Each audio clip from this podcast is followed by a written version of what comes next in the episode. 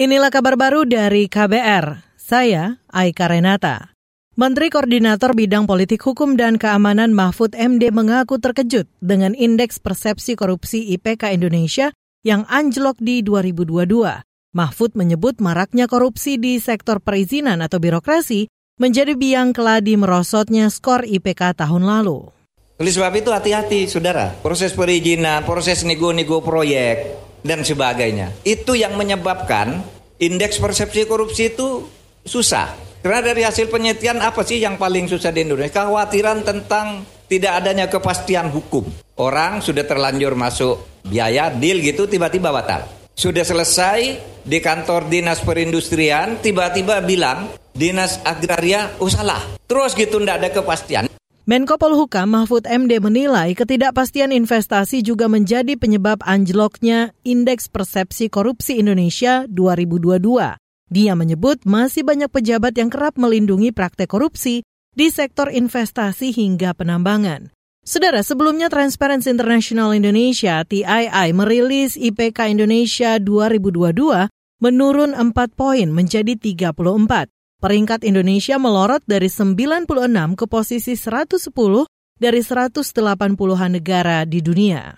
Masih dari informasi hukum, kuasa hukum Richard Eliezer kembali mempersoalkan tuntutan yang diajukan jaksa penuntut umum, yaitu 12 tahun bagi Eliezer. Itu disampaikan kuasa hukum Eliezer, Roni Talapesi dalam sidang duplik di Pengadilan Negeri Jakarta Selatan. Kuasa hukum Eliezer, Roni Talapesi menyebut Tuntutan itu bertentangan dengan Undang-Undang Perlindungan Saksi dan Korban. Menurut Roni, tuntutan terhadap kliennya seharusnya lebih rendah karena sudah menjadi justice kolaborator atau saksi pelaku yang bekerja sama dengan penegak hukum.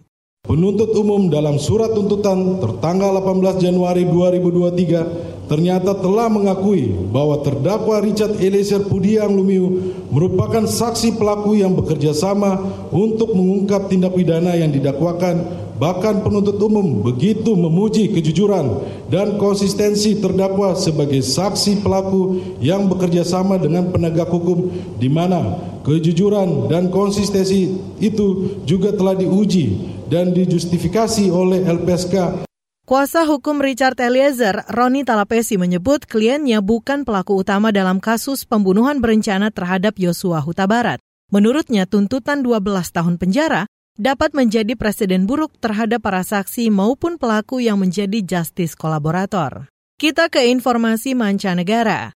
Kepolisian Pakistan mengidentifikasi pelaku bom di masjid pada Senin lalu menggunakan seragam polisi. Insiden bom itu menewaskan lebih 100 orang. Dikutip dari Reuters, petinggi kepolisian Provinsi Kiber menyebut pelaku memasuki area keamanan tinggi menggunakan sepeda motor. Pengebom di balik serangan itu diidentifikasi sebagai anggota jaringan militan Muazzam Jah Ansari. Saudara, bom bunuh diri itu merupakan yang paling mematikan dalam satu dekade terakhir. Peristiwa teror terjadi ketika ratusan jemaah berkumpul untuk sholat zuhur di sebuah masjid yang dibangun khusus untuk polisi dan keluarga mereka di kawasan yang memiliki tingkat keamanan tinggi. Demikian kabar baru dari KBR. Saya Aika Renata.